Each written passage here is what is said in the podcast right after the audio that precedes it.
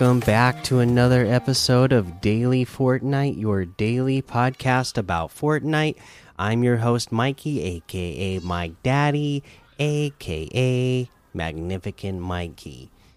Today, we don't have any news to talk about, so we're just going to jump straight into looking at some LTMs that we can be playing this weekend. Things like Infinite Parkour confined reality gun game 200 level easy death run Bushetta village 200 easy level death run 0.1 shot unvaulted troll bed wars bed wars and xp supply drop update food fight bed wars event mythic desert ffa Millionaire Gun Game Mythic Update, Gun Game Lakeside Modern Mansion, and of course, there's a whole lot more to be discovered in the Discover tab.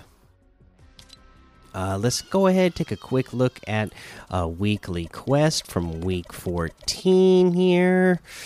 Survive on top of wind turbines at windbreakers for 30 seconds. Again, this is on the southwest corner of the map.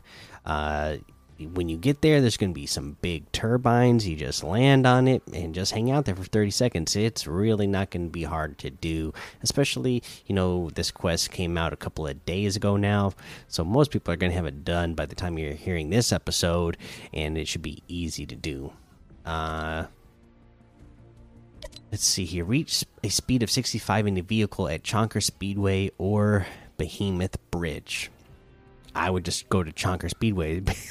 you know, I wouldn't even waste time. I would just go straight to Chonker Speedway and grab one of the mini whiplashes that are already there, hit the boost, and get going to that 65 uh, in a matter of seconds once you land there. Uh, let's go ahead and look at the item shop and see what we have in the item shop today. We have things like the Naomi Osaka bundle still here, the Ariana Grande items are still here.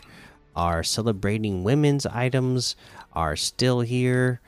Uh, ooh, we got the Get Far Out uh, bundle, which has all of our uh, tie dye sweatshirt characters all together for 2,500. You could get the models, each of them separately. They're 800 V bucks each. I've always been a big fan of these ones as well because, as I've said before, I love tie dye in real life. And we also have the Far Out Vibes harvesting tool for 500 V bucks and the World Dye back bling for 400. Let's see. Monarch Level Up Quest Pack still here. We got the Relaxed Fit Jonesy outfit with the beef pack back bling for 1200 that's just my style. We got the aspen outfit for 800 the want to see me emote for 500 the star wand harvesting tool for 800 pump up the jam emote for 500 rock paper scissors emote for 200 mm, Ooh, we got the ruby outfit with the red alert back bling for 1200 the stripe slicer harvesting tool for 500 the sky stripe glider for 500 bush ranger outfit with the buzzy bag backbling for 1200 another one of my favorites honey hitters harvesting tool for 800 the celeste outfit with the spectral star backbling for 1200 the prisma blade harvesting tool for 800 and then we have the montclair classic bundle which has the Andre outfit, the Renee outfit, and the Summit loading screen included for 1,800 for the bundle. We have the Montclair Classic Gear bundle, which has the Umbra axe harvesting tool and the Parapluie glider and the Umbra tube back bling, all for 800 V bucks. There you go. That is everything. Today you can get any and all of these items using code Mikey M M M I K I E in the item shop, and some of the proceeds will go to help support the show. That is going to be the episode for today. So make sure you go join the daily Fortnite Discord and hang out with us.